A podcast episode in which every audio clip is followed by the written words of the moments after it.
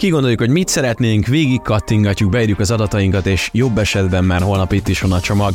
Nagyjából ezt érzékeljük az elkereskedelemből, de hogy hogyan is működik a háttérben, mivel foglalkoznak a magyar és külföldi vállalkozók, hogy néz ki a körkép akár a környező országokban, és mi lesz az elkereskedelem jövője, na erről fogunk beszélgetni a mai rifekben. Két szakértő vendégem Kolbert István, aki jelen pillanatban független elkereskedelmi és marketing tanácsadó, illetve Madar Norbert érkezik, ő a GKID vezető tanácsadója és partnere. A mai rifekben tehát az elkereskedelem és annak a jövője.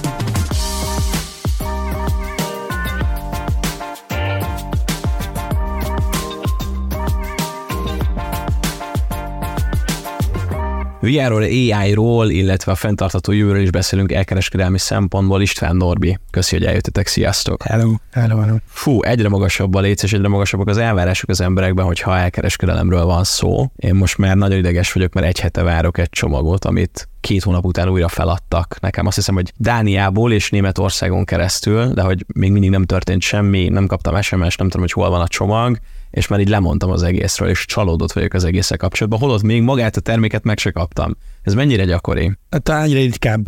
Az, hogy ennyit kell várni egy csomagra, ma már azért napokon belül ide tud érni akár egy kínai vagy amerikai tengentúli rendelés is, de ez a frusztráció, amiben most te is benne vagy, viszont ettől függetlenül, hogy benne van az életünkben, és egyre, egyre többször előjön, csak nem biztos, hogy a csomag kézbesítési ideje kapcsán, hanem akár mondjuk egy, egy rosszul, vagy igényénkhez képest rosszabbul teljesítő webáruháznál is elő tudjon ez a frusztráció, nem talált meg a kedvenc fizetési megoldásodat, nincs meg az a választék, nincs meg az a kommunikációs transzparencia, amit elvárnál. Tehát, hogy szerintem a frusztrációt azon túl, hogy sajnálatosan nem jött meg a csomag, abból is fakad, hogy magasan van a léc. Az a léc, amit egyre nehezebben tudnak megugrani, akár csak a, ha mondjuk a hazai kereskedő környezetet nézzük, nagyon nehézé vált már, gondolj arra, mi volt tíz évvel ezelőtt, megrendelted, és ott teljesen természetes volt, hogy egyszer csak majd valamikor megjön. Lehet, hogy két hét múlva, lehet, hogy két nap múlva nem kaptál róla semmi értesítést, most viszont meg benne vagy már egy olyan információs zajba, amikor már minden, ami azon kívül van, az már, az már problémát generál, és bizony ez rossz hír annak, aki ma ebbe az iparágba akar belevágni, hogy nem elég ma már csak ott lenni, webshopot üzemeltetni, muszáj, hogy technológiailag szolgáltatási színvonalban, ügyfélélményben ezt lekezelt, és ezt a frusztrációját orvosold, vagy illetve megelőzd a, a vásárlónak. Igen, ez gyönyörűen mutatja azt, hogy a vásárlási élmény az nem odáig tart, hogy a webáruházadban befejezted a vásárlást, hanem a vásárló számára maga a logisztika is beletartozik a vásárlási élményébe, ameddig, meg ne, ameddig megkapja mondjuk magát a terméket. És például a webáruházadásként oda kell arra is figyelned, hogy bizony, bizony, bizony, kikkel dolgozol együtt és ott milyen lesz az alvállalkozónak a szolgáltatása. Tehát, hogy ez, ez nagyon fontos. Itt nem tudjuk még, hogy mi a probléma, hogy mondjuk a kereskedő saját raktárában volt a gond, full használ-e, vagy a logisztikai partnere, éppen nem állt a helyzet magaslatán, de ugyanúgy ezt mindig figyelembe kell venned, mert a vásárló számára addig tart az élmény, ameddig mondjuk meg nem kapja a terméket, ki nem csomagolja.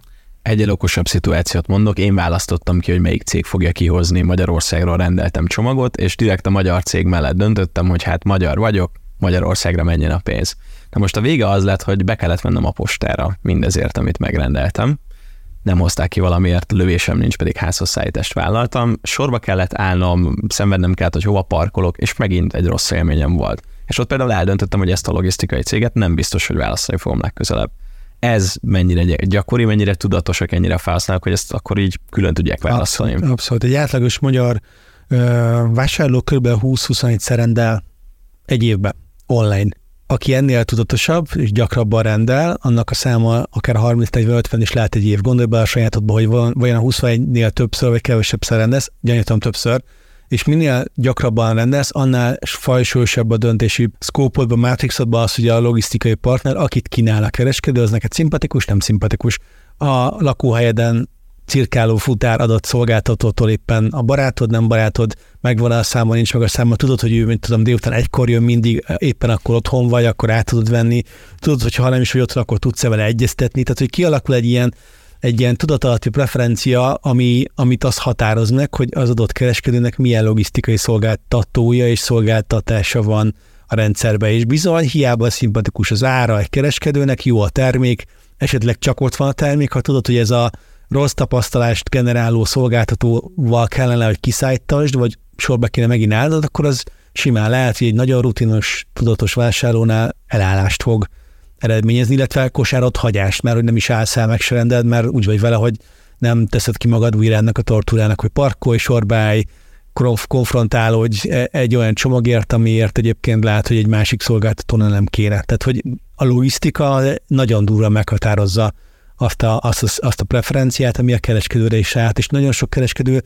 ezt a mai napig nem képes megérteni, hogy hiába ő maga jó, hogyha féléreskedik a partnerein, akikkel egyébként kiszálltatja a rendelését, de ugyanez igaz a fulfillmentre, ugyanez igaz a fizetési megoldások választására, egyaránt, vagy a marketingre, a kommunikáció, bármire, tehát hogyha minden, ami az ő tevékenységén kívüli szolgáltatói körben van, abban nem jó partnereket választ, akkor az ki fog arra, hogy az ügyfele, a vásárlója te mennyire lesz elégedett azzal, amit kapsz a nap végén. Ezért szoktuk pontosan ezt tanácsolni a kereskedőknek, hogy a vásárló döntési szempontjai között ott van az, hogy a számára legkényelmesebb kiszállítási módot, legyen az csomagautomata, legyen az az általa kedvelt kiszállító cég, akár mondjuk fizetési módként is, hogy ezt ki tudja választani, és igenis, hogy tegyünk be több lehetőséget. Van, aki például csomagautomatából szeret vásárolni, például én, nem annyira szeretek kontaktálni, majd lemegyek a csomagautomatával, amikor szeretnék. Ez legyen ott a lehetőségek között is, és amikor választunk például egy árösszehasonlító oldalat, általában nincsenek meg ezek az opciók. Ezért végig kell mennünk. Hol van erre lehetőségem, és hogy mikor külföldön rendelsz, akkor általában ők nincsenek integrálódva mondjuk a magyar csomagautomatákkal itthon, ezért például külföldről már nem is nagyon tudsz csomagautomatába rendelni, és ezek mind-mind problémák. Ugye ebbe fog segíteni később az AI, amikor ezt segít megállapítani előre, hogy melyik webáruházakat érdemes választani ahhoz, hogy mondjuk csomagautomatába tudj rendelni, és ez egy kiragadott példa, de hogy igenis ezt fontos keresünk, hogy odafigyeljünk arra, hogy tüntessük fel, hogy milyen lehetőségek vannak kiszállításra, milyen lehetőségeink vannak fizetésre, mert a vásárló számára ez egy nagyon fontos döntési szempont. Akkor azt mondjátok, hogy van egy ilyen potenciál egy ilyen weboldalban, ami majd ezt megmondja, tehát hogy vagy már lehet, hogy épül is valahol?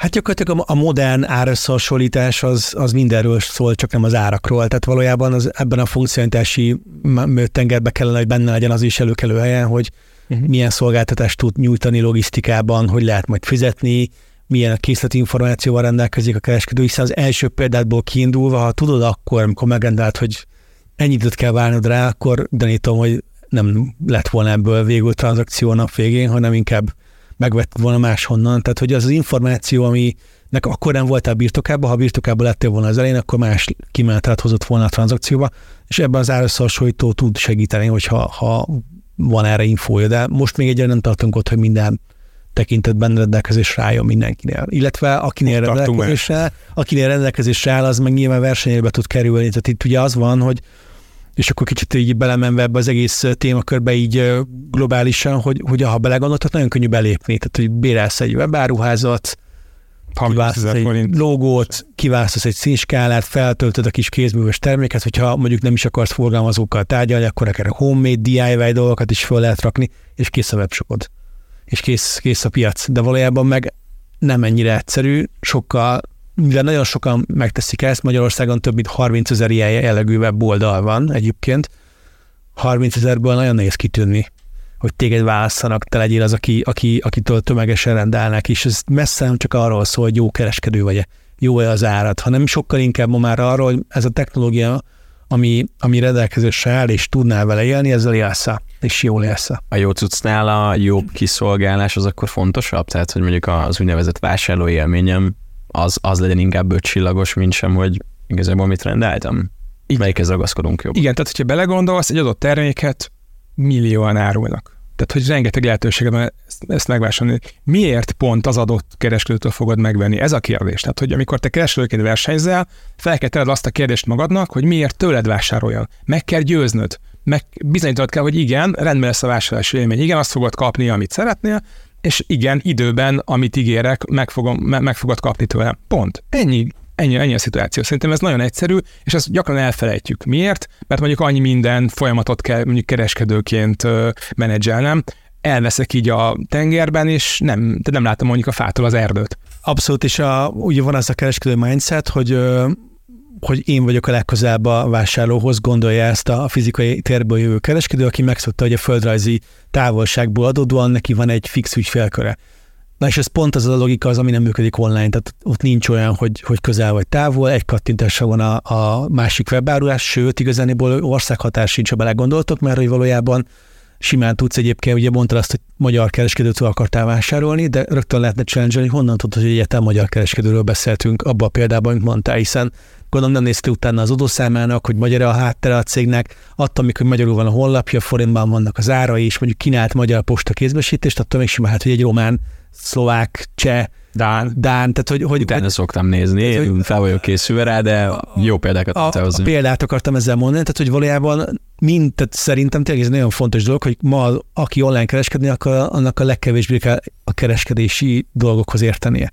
Sokkal többet kell tudni tenni a transzparenciáért, a, a, a, és ezzel értem azt is, hogy transzparens legyen maga a kommunikáció, de azt is értem, hogy transzparens legyen a webshopod. Az, hogy te ott vagy abban a térben, és hogy te mitől vagy, az István is mondta, mitől vagy jobb, mint mindenki más körülötted, azért, mert gyorsabb a szállítás, azért, mert jobb a marketinged, azért, mert jobb a lojalitás programod, azért, mert nem tudom, olyan a weboldalnak az ügyfélélménye, hogy, hogy tényleg öröm, ez eléggé hülye hangzik, de öröm vásárolni, simán lehet, hogy el, el, el tudsz érni vele egy réteget. Tehát ugye valahogy ebben kell kicsit átgondolni a, mindenkinek a szerepét, és ebben az, az a rossz hír, hogy minél nagyobb technológiai háttere van egy cégnek, vagy minél nagyobb tőkéje van, annál erősebb tud lenni, és ebben egy mai induló kicsi KKV, magyar cég nagyon nehezen fogja tudni a lépést tartani, mindenképpen követő szerepet fog tudni csak fölvenni, de ebben a követő szerepben is nagyon fontos az, hogy jól válogassa össze, hogy most akkor mibe teszi a kis pénzét bele, technológiai fejlesztésbe, marketingbe, kommunikációba, logisztikába, sok mindenbe kell sajnos. Mivel tud a legjobbat nyerni? Tehát most mondjuk egy kis kezdő vagy közepesen működő cég, mert ahogy mondtátok, tehát hogy az, hogy valaki AI-ra ruházzon be, az, hogy valaki nem tudom, AR vagy VR élményeket adjon a felhasználóinak, most nem tudom, kis Józsefné, aki ékszereket készít, nem tudom, Bájtony terenyén, ő tényleg nem fog, nem tudom, nyakadba belerakható AR ékszert fejlesztetni. Nem is ez a lényeg. Tehát egyrészt a legfontosabb az, hogy te legyél az, aki a szegmensedben a legjobban megérti a vásárlókat. Mit jelenthet ez? Például hogyan építed fel a termék oldalaidat? Milyen információk vannak ott?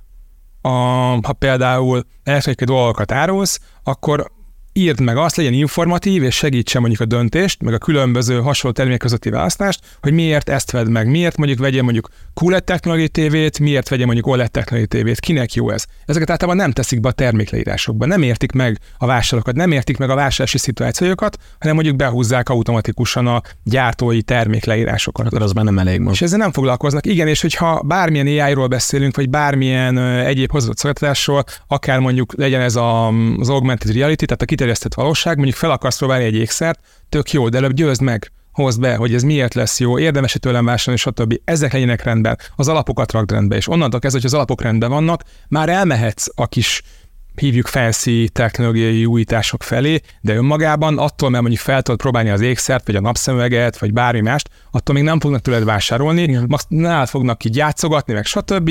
kipróbálgatják, aztán majd el megvásárolják onnan, ahol ja, ezt. ezt egy mesterség, ugye a kiterjesztett valósággal, mondjuk az IKEA most operál az alkalmazáson belül, az István analógiáit végigvisszük, akkor az IKEA-nak már nem kell téged meggyőzni arról, hogy ugyan vásárolman állunk, hiszen gyakorlatilag az IKEA az egyik legjobb példája a love brand kifejezésnek, ott van, van egy érzelmi kötődés, és igazán volt csak az a kérdéskör, hogy te elmész-e valamelyik IKEA áruházba, megnézed személyesen, időt szánsz rá, vagy pedig esetleg alkalmazással akarod ezt eldönteni, hogy abban segítségi mesterséges, illetve kiterjesztett valóság.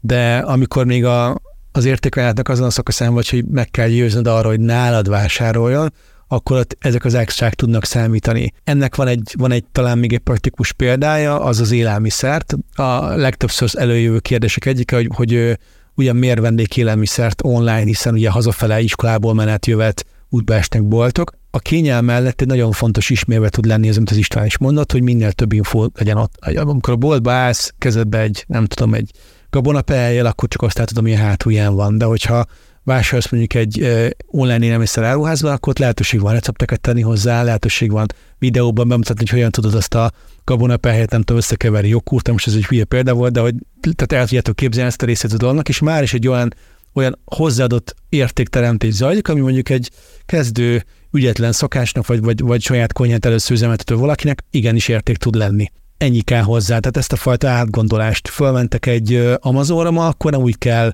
nem úgy fogtok tudni mondjuk kütyüt választani, hogy, hogy ától zék, hanem kiadja, hogy van középkategória, belépő kategória, profi kategória, és már rögtön ad egy olyan témába a helyezés, hogy akkor igen, nekem nem kell a profi mikrofon, nekem meg lesz mondjuk a középkategória belépője, amivel most, most éppen felveszük ezt az adást. Tehát, hogy lehet, és, ez, és egyébként ez egy nagyon jó mikrofon, nekünk is vannak ilyenek, de hogy nyilván nem az a, nem az a teteje, ami, ami a ródnak még uh, ugye rendelkezésre állhat. Figyelj, az utómunk komolyabb mindent, tehát felvetted a te podcastedet csúcsminőségi mikrofonnal, ha a végeredményben a masterelés nálunk van. Az el fog csúszni, igen. Szóval hogy a, a lényeg a lényeg, hogy, hogy azért lehet ebben, ebben pluszt hozzáadni a vásárlóknak, és az online kereskedelem ebben, ebben jó példa tud lenni, de az online kereskedelmet kiterjesztve akár egyébként bármilyen digitális cucc is jó tud lenni. Tehát az, hogy ha megnéztek majd Netflixet, hogy hogy működik, nem te választasz ö, filmet, hanem igazániból rábízod magad a Netflixre. A YouTube ugyanez.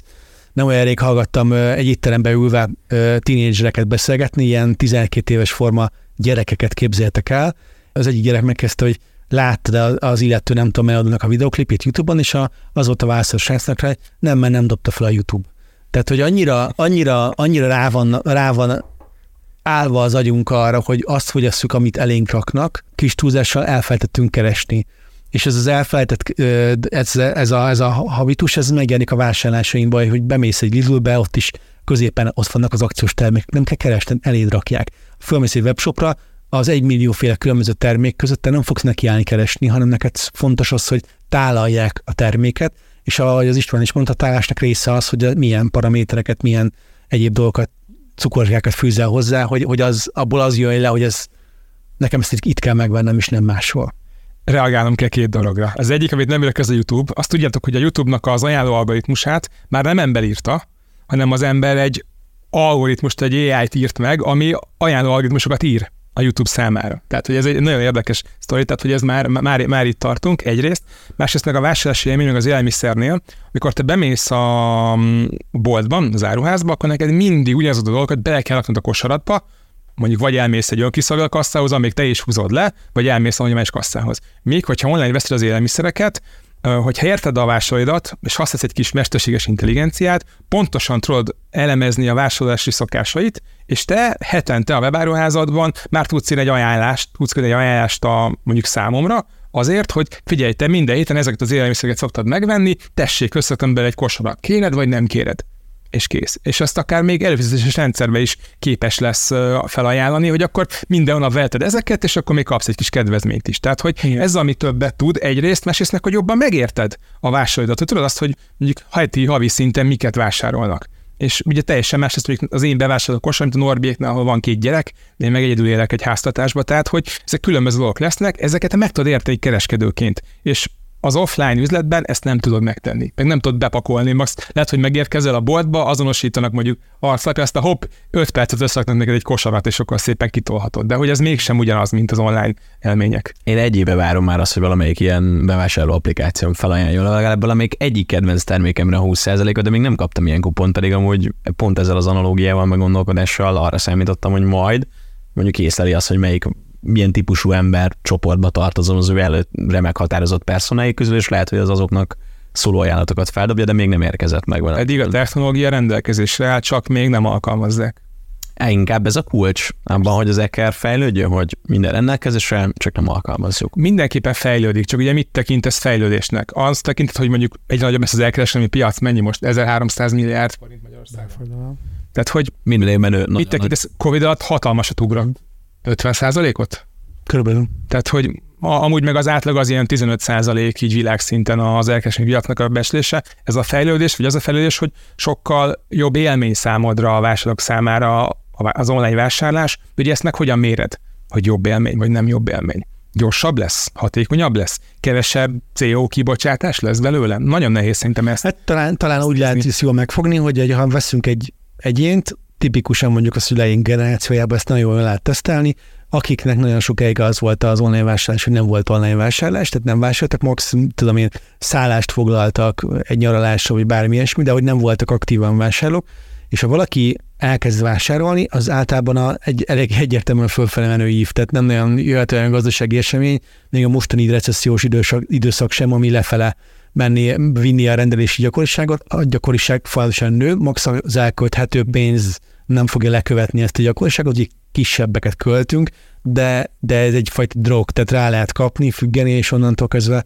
nyilván az ember nem fog ebből alább hagyni, hanem mindig keresi, ezek, hogy hol tud újabb rendeléssel te, valamilyen szinten megfelelni ennek a, a belső készítésnek, hogy rendeljen valamit, és, és ez szerintem mutatja, hogy azért ez, ennek van egy ilyen élmény faktora, ami, ami, ami meg tud ragadni embereket. Rizikóval is jár, meg, meg nyilván szabályozó oldalról ezt erre reagálni kell, hogy ezt hogyan, hogyan, hogyan, hogyan lehet kordába tartani a dolgot, de mindenképpen látszik, hogy az emberek rákaptak és szeretik egyre jobban nálunk is már. Egy kis gyors példa, édesanyám még két éve még tévét akartak venni, akkor elmentek a 40-50 kilométerre lévő nagyobb városokba, hogy ott személyesen lássák, és azt a tévét vették, ami a készleten van. Ezzel szemben a múlt héten kaptam egyszer csak a Messengeren egy üzenetet, hogy regisztráljak a Lime-ra, mert akciós nem tudom mit kapok. Anyukám küldte ugyanezt, tehát hogy eljutott oda két év alatt, hogy régen mentek tévét venni személyesen, most pedig már Lime-mal rollerezik, és megadja bűszen a bankkártya adatait. Tehát, hogy. És mondom, veszélyel is jár, de, de ez az egész online vásárlás ma már egy ilyen kapu a digitális térbe, és onnantól kezdve nincs megállás. Lime, Netflix, Revolut, bármi digitális bankolás, tehát hogy, hogy az, az emberek nagyon könnyen tudnak adaptálódni, és a Covid ebben óriásit lökött. Hogyha azért most így ugye említetted a Covid-ot pár perc ezelőtt, hogy túl vagyunk-e rajta, nyilván a, a járványügyi részét most itt nem kommentálnánk, de azt mindenképpen elmondhatjuk szerintem róla így utólag már nem ciki kimondani, hogy, hogy ez óriásit adott ennek a fajta digitalizációnak egyének szintjén is, és cégek szintjén is, akár csak a home office-ra gondolunk, mint intézmény, azért nem, nem sok helyen volt ez ö, ö, benne a, a, a, a munkaköri leírásban, pláne, de egyébként magában a köztudatban sem. Rengeteget köszönhetünk neki, és ez a fajta kikényszerített digitalizáció nyilván a másik oldalra meg, megbosszulja magát, mert rengeteg mindenben azért ö, visszavágyunk a, a hétköznapokba, vagy a régi életünkbe, de az online vásárlás pont nem ilyen. Tehát ott, ott abszolút, ahogy a szüleit például is látszik, fölfele évelő dolog ez, és tényleg csak arra kell vigyázni, hogy, hogy kicsit a, kicsit a kezüket fogva nehogy olyat csináljanak, amit, amit egyébként megbánnak később. Igen, még a Revolut virtuális kártyára nem tudtam őket rávenni, de majd elmagyarázom, hogy miért fontos. De hogy hol vagyunk ebben a fejlődésben, akár itt szakaszosan gondolok itt a Covid-ra, tehát a Covid után vagyunk már, és ez már egy, megint egy új éra ezzel az AI, VR, ChatGPT mindenféle munkával, tehát hogy hozott a Covid valami olyan standardet, amit így most megfoghatunk, és azt tudjuk mondani, hogy igen, ez történt, és innentől kezdődően ez már az alapja az elkereskedelemnek. Szerintem, amit a Covid behozott, hogy egyrészt bizalmat épített az online vásárlás felé, másrészt pedig olyan termékeket is elkezdtünk online vásárolni, amiket addig nem tudtunk elképzelni, hogy ez megtörténne, mert bezártak a fizikai üzletek. És szerintem ez, ez egy nagyon nagy jelentőségű történet. Attól még azért még visszamész belülni, mondjuk az ikes a kanapéba, hogy érezd, hogy milyen kényelmes, de lehet, hogy egy napszemeget már simán felpróbálsz a kiterjesztett valóság alkalmazásával a webáruháznak, vagy a, vagy a mobilappodnak. Ez, ez fontos. A másik része pedig, amit mondtál például a ChatGPT, ezek olyan jó lehetőségek, amik eddig benne voltak így a, a, a konferenciákon, a jövőkutatóknál, hogy majd párbeszéd alapú online felületeken fogunk tudni kommunikálni, interaktálni, akár vásárolni, és ez eddig nem történt meg, mert még nem igazán értette meg mondjuk a mesterséges intelligencia a szándékainkat, vagy nem tudta mondjuk elemezni magát ugye a termékeket, hogy neked mondjuk melyik típusú tévét kell megvenni mondjuk a szüleidnek. Most már erre van lehetőség, és ahol még nem tartunk, hogy még nem sikerült hatékonyan implementálni, mert ugye abba is bele kell tenni komoly energiát attól, mert külső eszközök rendelkezésre állnak, azért nem jelenti azt, hogy a kereskedők hatékonyan, eredményesen tudják implementálni, bevezetni, és ebben azért szokott lenni, hogy is fogalmazzak, spórolás ami, ami által negatív élmények születnek, és akkor a, el, megbézik, hogy hát jó, az a ChatGPT, de hát most nem tudtam behasználni a webáruházom számára. Miért? Mert nem helyesen, nem szakemberekkel, nem a megfelelően ráfordított idővel sikerült ezt beépíteni. Ez mennyire nemzetközi, vagy mennyire magyar probléma, akár az eker alakulásában ez a, nem is azt mondom, hogy budget, hanem hogy hát egy olyan skótoskodás, vagy skótoknál lehet, hogy még jellemző. Nézd, ez szemléletmód kérdése, hogy milyen arányban vannak a kereskedő társadalomban belül azok, akik nem, hogy is fogalmaznak, nem annyira alaposan döntenek. Teljesen más a vállalkozói kultúra, mint Magyarországon, és teljesen más csak mondjuk Csehországban nem messze tőlünk. Ott sokkal tudatosabbak az elkereskedők, viszont uh, ugyanúgy az Egyesült Államokban is vannak garasoskodó elkereskedők, akik kevésbé megfontoltan döntenek, illetve vannak nagyon okos, nagyon értelmes, nagyon megfontolt kereskedők is, akiknek van akár mm, vállalati tapasztalatuk. Tehát, hogy itt az arányok a kérdésesek. Mindenhol van mindenféle típusú ember, mindenféle típusú kereskedő. Nálunk sem jellemzőbb az, hogy kevésbé átgondoltan ugranak bele dolgokba, és elhamarkodottan hoznak ö, következtetéseket, általában negatívat. Mire szoktak a, a legszívesebben pénzt költeni, és mire a legkevésbé?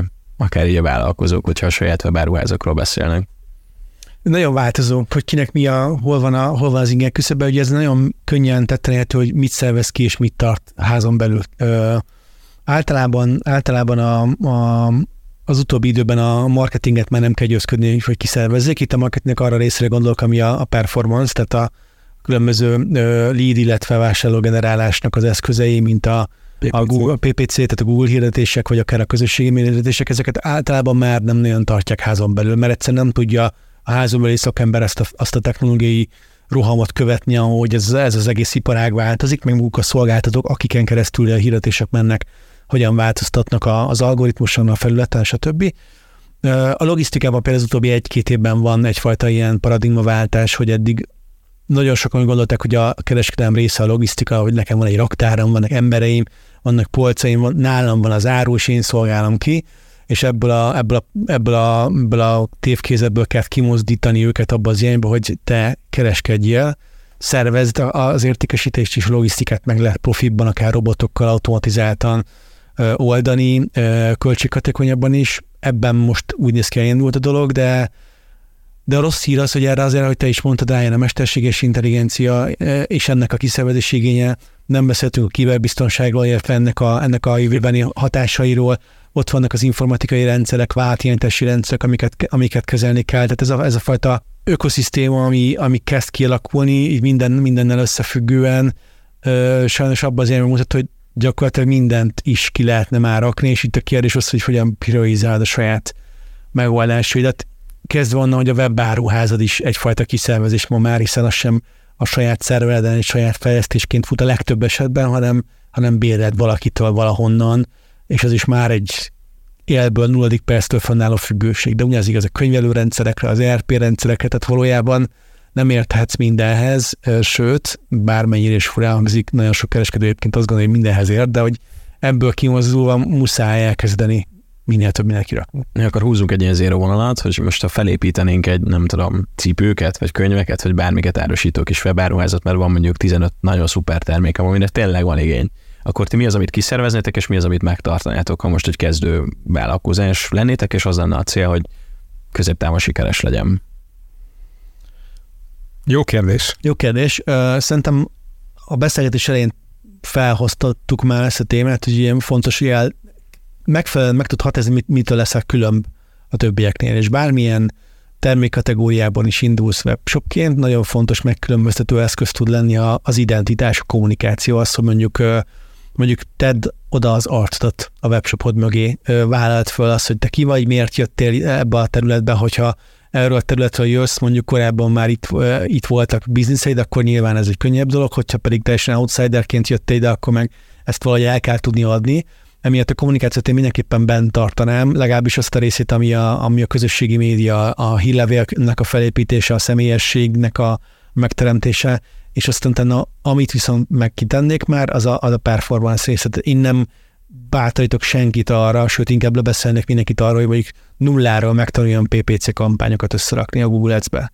Mert egyszerűen lehet, hogy bizonyos pontig el fog tudni jutni, lehet, hogy az első pár százer forintos költésénél még esetleg meg is tesz az a wow érzés, hogy hű, hát ez működik, de biztos, hogy hosszú távon nem fogja tudni fenntartani azt a tempót, és ennek az egésznek, a, ami, ami nagyon fontos vele az a stressz faktor. Tehát az, hogy, hogy, hogy amikor az ember a saját pénzét teszi föl egy szó szerint az asztalra egy ilyen játéknál, játéknál akkor, akkor mindig ott lesz a fejem fölött az a fajta kockázat kerülő gondolkodás, hogy nem, nem vagy, hogy biztosra akar menni még egy PPC ügynökség, tapasztalból tudja azt, hogy ha ezt a kockázatot most beváld, akkor x hónapon belül, vagy héten belül milyen, milyen haszonra fogsz tudni szerteni, és ezt a kockázatot önmagattól nem fogod soha meglépni, mert egyszerűen nincs meg hozzá az a tudásod, ami mellett megmernéd lépni. És a másik, ami kezdőként kiszervezésre javasolnék, az a logisztika. Tehát az, hogy mindenkinek van olyan ismerős, szerintem, aki először a saját nappaliát áldozza föl, aztán talán valamelyik szobáját a lakásán belül, aztán rosszabb esetben, ha a háza van, akkor mondjuk egy garást vagy egy komplett tárolót. Ez az egyik része a dolognak, a másik meg az, hogy a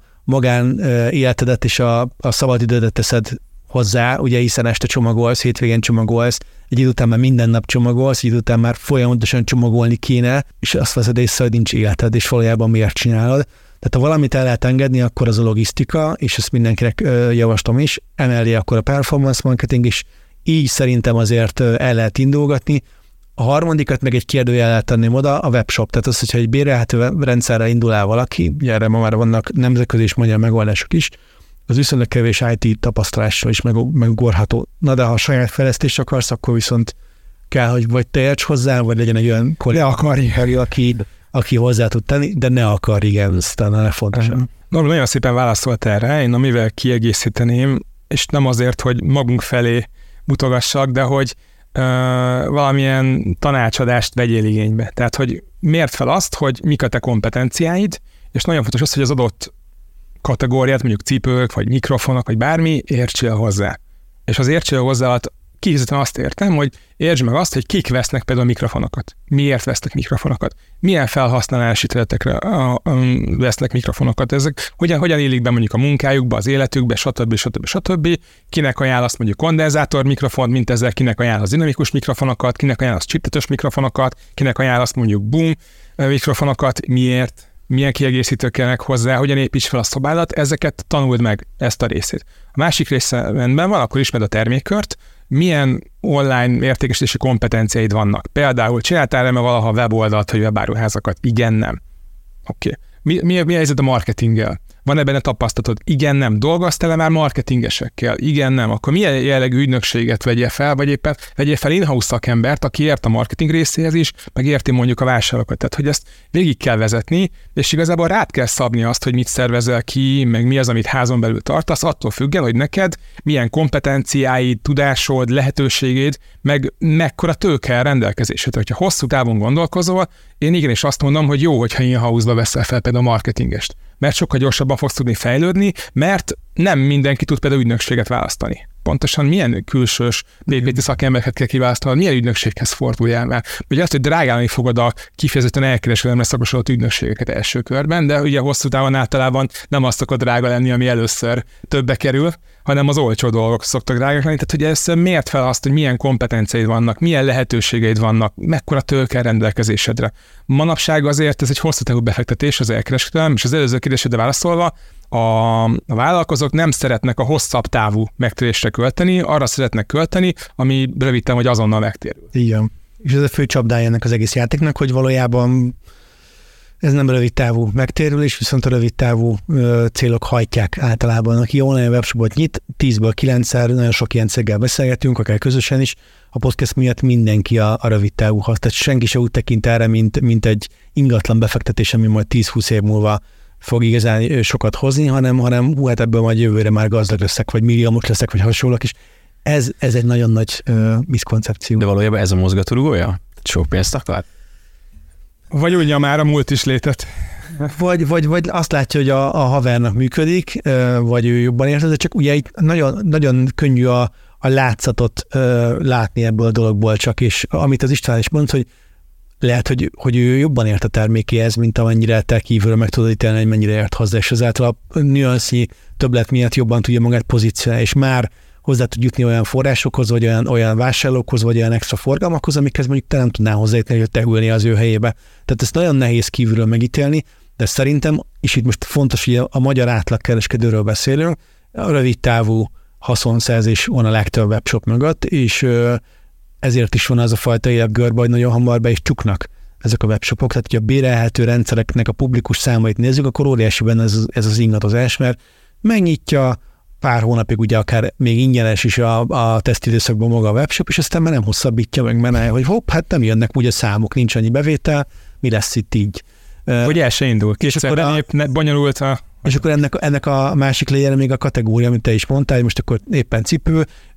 Nagyon szép felfutása volt például a, a baba kategóriának. Egy időben mindenki valamilyen baba webshopot akar nyitni, mert, mert nagyon könnyen beszerezhető termékekről beszélünk, ugye a, a gyerek vállalásnak a, van egy ilyen lila ködös időszaka, amikor az ember hogyha egyezik az véleménye egy kereskedő által sugalt értékrendel, akkor nagyon könnyű vásárlásra sarkalni az illetőt, tehát hogy ennek volt egy ilyen felfutása. De ugyanígy volt például a táplálékkiegészítőknek is egy olyan, olyan reneszánsz, talán még tart, és az utóbbi, amikor boldog-boldogtan táplálékkiegészítő márkát csinált magának, és ebben nyitott webshopot. Tehát ez azért óriási lehetőség arra, hogy megpróbáld, csak mindig ott, ott van a dolog elásva, hogy van-e hozzá pénzed, hogy pumpáld bele. És talán a csehek, a lengyelek, a szlovákok, a románok, akik körülvesznek minket a piaci márkáikkal, ők abban jobbak nálunk, hogy, hogy kicsit kitartóbbak. Tehát mi magyarok nem vagyunk annyira jövőállóak a lelkesedésünkben, mint amennyire ők egyébként, és a kezdeti sikertársaság ellen is tudják betolni a pénzt, hogy aztán tenni később egyértelműen át, a break-even pont után egyértelműen pozitívra forduljon, itt viszont meg az látszik, hogy nem így van. És ha megnézed a teljes palettát, kik vesznek minket körül, a nagy magyar webshopok is valójában a legtöbbjük külföldi webshop magyarnak álcázva, és ez egy, ez egy nagyon nagy rizikó. A Covid utáni éra egyik legfontosabb hozadéka az pont ez, hogy kinyílt ez az egész dolog, és ez már régen nem egy magyar kereskedelmnek egy magyar online lába, hanem ez egy, ez egy magyar vásárlókat célzó nemzetközi piac, és ha te nyitsz majd webshopot, akkor a kínai versenytársakkal, a magyarnak látszó versenytársakkal, a külföldi versenytársakkal, a közösségi médiából jövőkkel, az aprítási oldalhirdetőkkel mindenkivel versenyezni kell. Míg régen a kereskedő csak a szemközti bolttal versenyzett, és ez egy nagyon-nagyon más játék. Itt nem tudsz több fronton háborúzni egyszerre. Pénz nélkül, meg pláne nem. Tudás nélkül, meg végképp. Akkor most nézzünk a jövőbe, akár rövid, közép és hosszú távon mi az, ami eddig létezett az ekerben, és nem fog létezni a következő években, és mi az, ami jön, amire nem számítunk. Mondok egy példát, amit még az adás előtt beszélgettünk, hogy a kukik nem sokára el fognak tűnni, tehát nem fogják, sőt, mert el is tűntek, azt mondtátok, nem nagyon látjuk azt, hogy mit akarnak a mi vásárlóink, hogyan tudjuk majd mégis őket jól célozni? Például erre van-e megoldás, vagy létezik-e, vagy alakul-e? Nagyon jó kérdés. Önmagában az, hogy a cookie technológiát kivezettetik, az azt jelenti, hogy sokkal rosszabb találatokat fogsz kapni, vagy sokkal rosszabb idézések fognak szembe jönni. Ez önmagában nem probléma a kereskedői szempontból. Kicsit fáj, mi és de ez lehet alkalmazkodni. Ami sokkal érdekesebb lesz szerintem, hogy eddig hogyan történt mondjuk a keresés, beírtad a Google-be, hogy valamilyen terméket, terméket keresel, feljöttek találatok. Van a Google shoppingos kis találatok, ami valamennyire árösszehasonlító, ott van mondjuk a lokális árösszehasonlító oldalak, meg egy-két hirdető, meg ott vannak a normális találatok. Ott van legalább 20-30 egy oldalon amik közül neked meg kell nézned, meg kell vizsgálnod, azt, megnézed a webáruházát, mennyit alatt szállítja ki, milyen lehetőségek vannak, ilyesmi. Mi történik most a ChatGPT-vel? Megteszi helyetted ezt a döntést, ezt a kutatást. Magyarul sokkal kevesebb forgalmad lesz. Eddig mondjuk a látogatói forgalmad a webáruházatban legalább 50% jött mondjuk, vagy akár 60-70% jött a Google-ből, akár fizetett, akár a linkus keresésekből. Most mi fog történni? Nem lesz forgalmad. Tehát ezt hogyan fog, hogyan fog erre egy átlagos kereskedő felkészülni? Hogyan fog mondjuk integrálódni ezekkel a hogy is mondjam, ilyen okos asszisztensekkel, hogyan fog mondjuk akár a Google-nek ezzel a saját AI-jával integrálódni.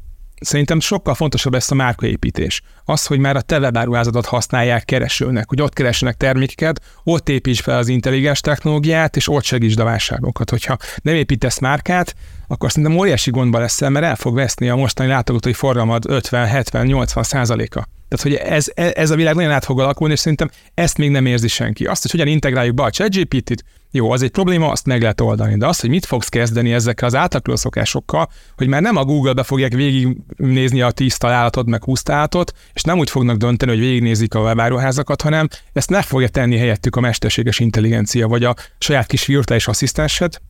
Szerintem az egy nagyon nagy kérdés. És erre, erre most válaszolni, nem olyan egyszerű, de azt tudjuk mondani, hogy készüljünk fel, készüljünk a háborúra. És igen, és hogy fektessünk be márkaépítésbe, megint csak hosszú távú, hosszan megterülő folyamat, igen, és hogy építsük be a ChatGPT-t, bővítsünk különböző termékkategóriával, és legyen olyan a vásárlási élmény, hogy adjunk információkat, segítsük a döntést, segítsük az összehasonlítást, ezzel szerintem fel tudjuk venni a versenyt így a jövőre nézve ne csak azért építsünk márkát, mert hogy mi lesz a, a forgalomnak a, a nem organikus részével, hanem azért is, mert egyszerűen ez egy kicsi piac, tehát hogy, hogy nagyon sok kereskedő abban a hitben van, hogy itt Magyarországon belül kell csak tudni jól működni, miközben valójában minden szolgáltatás, minden termékportfólió konvertálható lenne más piacokra is, és hogyha márkát építesz, akkor azzal a márkaépítéssel kinyílhatnak a kapuk más országok felé is, más vásárlói bázis felé, és rögtön más a megtérülésnek is az üteme, hogyha nem csak egy, nem tudom, szűk magyar piacból élsz.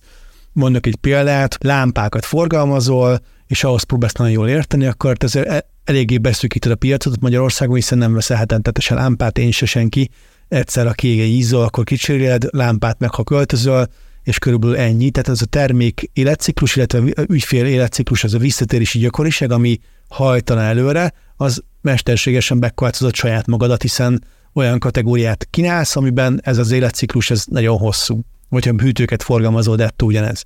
De ha azt a hűtőforgalmazást vagy lámpaforgalmazást te egész Európára nyújtod, vagy globálisan, akkor ez egy jóval ö, nagyobb óceánből tudsz halászni. Csak hát ez innentől kezdve, hogy kikerülsz nemzetközi piacra, nem elég egy, egy lámpawebáruhász.hu néven üzemelned, hanem muszáj valamilyen identitás mögé tenned, egy sztorit, egy márkát, egy technológiát, és ha ezt megteszed, akkor minden szempontból jövőbáló tud lenni a, a kereskedés. Tehát mi, hogyha egy, egy mondatot kell ezt hozzátenni, ebbe azt szoktuk javasolni, hogy próbálja márkát építeni, és ez, ez egy nagyon-nagyon nehéz játék. Tehát hosszú távú beruházás plusz érteni kell hozzá, és nem az a fontos, hogy, hogy én mit gondolok magamról, mert ezt általában mindenki meg tudja mondani, hanem hogy mit akarok, hogy gondoljanak rólam a vásárlóim, és ez egy egészen más kérdésfeltevés és válasz. A social media, a közösségi média mennyire segít ebben a márkaépítésben? Mert hogy pont ahogy mondtátok, hogy most el fog tűnni az, hogy kb. a Google-ből vagy a kereső óriásokból érkezünk meg egy vásárlásba, azért én már láttam olyat, hogy egy, egy fotó, és akkor ott be voltak tegelve, hogy ilyen ékszer, olyan ruha, olyan izé van rajta, vagy akár maga egy, egy love brand, úgy rakosgatja fel a képeket és az ideális fotókat bármiről, hogy azon a képen megtalálhatóak a különböző megvásárolható egységei. Lehet, hogy át fognak pártolni az emberek, tehát ki lehet alakítani egy ilyen fogyasztói szokást, hogy akkor, hát akkor én a Facebookon meg az Instagramon nézelődök, és akkor onnan vásárolok. Ugye nem az, hogy átpártolnak, hanem az emberek google is vannak, most bele van ez a szokásaikban, meg ugye nézik a social media csatornákat is. A social médiában kapnak tartalmat. Ugye ez a user-generated content, tehát hogy fogyasztói vagy, vagy simán user tartalmakat kapnak. Ott mi történik? a eddigi tartalmakban, akik mondjuk az emberek megosztják az életüket, vagy bármilyen sztorit, vagy bármilyen kis vicces, hülye történeteket, oda betesznek termékelhelyezéseket is. Tök jól működik, rendben van, csak a kérdés az, hogy itt most a gyártók fogják betenni a termékeiket, vagy a kereskedők fogják betenni. Van egy trend, ez a D2C, vagyis ez Direct to Customers, maguk a gyártók, meg a forgalmazók már direktben is elkezdenek értékesíteni a kisker értékesítő lábok mellett. És ők például az influencerekkel, a tartalomgyártókkal sokkal könnyebben tudnak akár direktben kontaktálni, és azt az árést, amit eddig mondjuk a kiskerláncoknak kisker értékesítésre hagytak, azokat mondjuk odaadják annak egy részét magukhoz direktben mondjuk a social media tartalomgyártóknak és onnantól kezdve már egyből fogod tudni rendelni mondjuk az adott márkának a termékeit, nem, nem lesz szükség arra, hogy még egy külön kereskedő forgalmazza ezeket a terméket. Szerintem itt ez, ez lesz az érdekes része, és ez már egy elég, elég erős trend. A másik része pedig ez a headless e-commerce, tehát gyakor- gyakorlatilag neked van egy belső rendszered, ami mondjuk a webáruházadnak a magja, és onnantól kezdve a webáruházad, a social media felületek, vagy akár mondjuk az offline boltod is egy, egy felülete, egy frontendje magának ennek a háttérrendszerednek. Tehát, hogy gyakorlatilag omnichannel commerce fele elindulunk, és innentől kezdve pedig nagyon könnyen tudnak rácsatlakozni maguk mondjuk a tartalomgyártók is a te háttér elkereskedelmi rendszeredre, mondjuk gyártóként és kereskedőként, ez megint egy olyan dolog, amivel fel kell rá amivel számolni kell, és akár mondjuk, hogyha lokálisan szerepelsz, a lokális tartalomgyártókat, influencereket előbb keresd meg, mint a nagymárkák megkeresik, és előbb próbáld meg beintegrálni egy ilyen értékesítési lábként. Igen, itt kettő dologot kell különvenni. Az egyik az, az elkereskedelem az nem csak webáruházak, illetve kereskedőknek az összessége, hanem rengeteg gyártó is van jelen, és ahogy a, a István is utalt rá, a Covid óta egy nagyon erősödő trend az, hogy egyre több gyártó először a Covid alatt szükségből, most meg már nyilván haszonszerzés miatt kezd el direktben is online jelenlétet építeni. És a közösségi média az kifejezetten nekik kedvező. Gondolja az előbbi példádra, a ruhán elhelyezed azt, hogy éppen mit tudom én, ezt, e, ez a típusú ruha, a nyaklánc, ez a típusú, ezek mind-mind termékek, és általában nem kereskedőkhöz köthetők, hanem gyártókhoz köthetők, ezek a fajta termékhelyezések, illetve közösségi média használatok. Az egyén szintjén is le, le, le, az, hogy egyre többször már nem webáruházból vásárolunk, hanem egy, egy gyártódnak a webshopjából rendelünk valamit meg, lerövidítve ezzel az értékláncot, és kikerülve a hagyományos webshopokat, kereskedőket, stb. stb. Tehát akinek, aki gyártó, vagy saját terméke van, annak ez a közösségi média selling, ez, ez, egy, ez egy remek alternatíva tud lenni, hogy a brandjét erősítse, hiszen influencer marketinggel kiegészítve, arcokkal kiegészítve, illet élménnyel, illet helyzettel kiegészítve tök jól tudja pozícionálni. Kereskedőként viszont sokkal nehezebb hiszen a kereskedői Matrixban az ár nagyon fontos tényező, milyen alkupozícióval vagyok én a gyártó felé, ezáltal milyen árat kapok, és milyen extra szolgáltatásokat teszek hozzá kézbesítésben, szállításban, ügyfélélményben, választékban, stb. stb. És ez már sokkal nehezebb ezekkel a social média eszközökkel tálalni, mint, mint, mint egy adott márka adott termékét kínálni. Viszont a vásárló már nem feltétlenül csak a kereskedőkben gondolkodik, mikor elkereskedelemről beszélünk, vagy online vásárlásról, hanem bizony a gyártókról is, és ez, ez, ez egy egészen más dimenzió.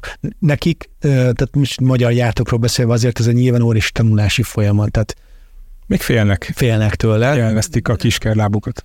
Tehát olyat azért raktam én árdilemma is, hogy a, ha eddig a viszonteladóimból éltem, és most én egy direkt elkezdek értékesíteni, azzal rombolom-e a viszonteladói piacomat, meg fognak rám haragudni, fogom el tudni olyan jól csinálni, stb. stb. Tehát ezeket a dilemmákat meg kell futni, juk, meg is futják. Meg a logisztika. Meg a logisztika, de ma már a Nike, Adidas és sorolhatnánk a márkákat, mindenki csinálja ezt. Tehát valójában az út ez egyértelmű, csak ha egy berendezkedésed az nem erre van fölépítve, nincsen úgymond B2C lábad, nincs meg hozzá a saját marketinged, a saját logisztikád, a saját kereskedelmed, akkor ez nyilván rengeteg cégen belüli transformációval járó folyamat, ami lassítja a dolgot, de meg kell lépni. Kereskedőként viszont ez akár lehetőség is lehet. Tehát azzal, hogy ő maga jobban elkezd az online térben mozogni, többet fog tudni a vásárlóiról, azáltal a kereskedő partnert is jobban ki fogja tudni szolgálni plusz infókkal, szolgáltatásokkal, stb. stb. Még egy fontos dolgot tegyünk bele a jövő szempontjából, hogy a jövő mit hoz, amivel mondjuk így nem feltétlen foglalkoznak a kereskedők, vagy mondjuk nem teszik egyből így oda az ilyen kis gondolkodós körökbe. Van esetleg ilyen, ami eszetekbe jut ezzel kapcsolatban, és akár az epizódban nem is beszéltünk róla? Nagyon fontos terület a jogi szabályozás. Tehát, hogy beszéltünk a cookie technológia kivezetéséről, ugye ez azért van, hogy a felhasználók személyes adatait védjék. Két oldal, egy, fel kell erre készülni kereskedőként, hogy mi minden történt, még jobban fog szigorodni, még nehezebb lesz, még több ö, szabályozásnak kell megfelelni, mert bizony abban azért megyünk, hogy egyre jobban szűkítik a lehetőségeket, meg szigorítják a, a, az analitikésítési folyamatokat, ez az egyik része, másik része meg nagyon jó lenne, hogyha szabályozók jobban megértenék az elkereskedelmet, és ugyanúgy a vásárlói szokásokat, vásárlói elvárásokat, mert azt érezzük, akár így tanácsadóként, akár a kereskedőkkel szorosan együtt dolgoz, vagy akár az ő oldalukon ülve, hogy egyáltalán nem vásárló központúak ezek az intézkedések, és nem értik azt, hogy valójában mi történik a piacon, és mire lenne szükség. Tehát kellenek a szabályozások, kell az, hogy valamilyen szinten védjük a vásárlókat, de hogy én azt szeretném, hogy sokkal jobban értsék meg a szabályozók azt, hogy mire van szükség. És az, az nagyon elősegíti akár mondjuk a magyar elkereskedelemnek a fejlődését és terjeszkedését a régióban megerősödését. E, e, nemzetgazdasági oldalon nagyon fontos témát feszegetünk, a kereskedelem, az elkereskedelem, a digitális gazdaság, és hozzátéve még talán a logisztikát, hiszen a kettő nincs egymás nélkül. Ez a kettő együtt egy olyan lehetőség lehet a magyar gazdaság számára, amit kár lenne elodázni csak azért, mert mondjuk gáncsoljuk szabályozó oldalról a magyar szereplőket, és közben meg egyébként meg a nemzetközi óriások magyarként viselkedve, vagy akár még csak ez sem megtéve, de, de kiszolgálják a magyar lakosságot. Tehát itt azért ebben, ebben van hova is, nem csak Magyarországon, hanem akár tényleg Európai Uniós szinten is lehetnének olyan szabályozások, amik kicsit jobban ösztönzik a, a vállalkozások digitális térben való ö, fejlődését. Hát bízunk benne, hogy valaki a döntéshozói oldal irodai szekciójába hallgatja a River Podcastet. Madár Norbert, illetve Kolbert István, köszönöm szépen, hogy jöttetek és segítettetek a Köszönjük, sziasztok! az elkerülőben eligazolni, és hát keresétek a srácokat a Vett fel a verseny podcastben is, hiszen ezt is ti is csináljátok. Köszönjük egyszer! Köszi, sziasztok! Ez volt az epizódunk az elkereskedelemről és annak jövőjéről, két hét múlva csütörtökön pedig újabb epizóddal jelentkezik a Rifek, addig a Spotify-on és az Apple Podcastben kérlek csillagozatok bennünket, hogy lejöjjenek a csillagok, és mi is jobban rangsorolódjunk a toplistákban. Erre gyúrunk, immáron lassan három éve, mert hogy ünnepelni fogunk, ünnepelni fogunk Zoli. Zoli a kamera mögött. Szóval nem sokára ez is, két hét múlva pedig újabb Reflect epizód, addig is a legjobbakat és jó nyarat nektek!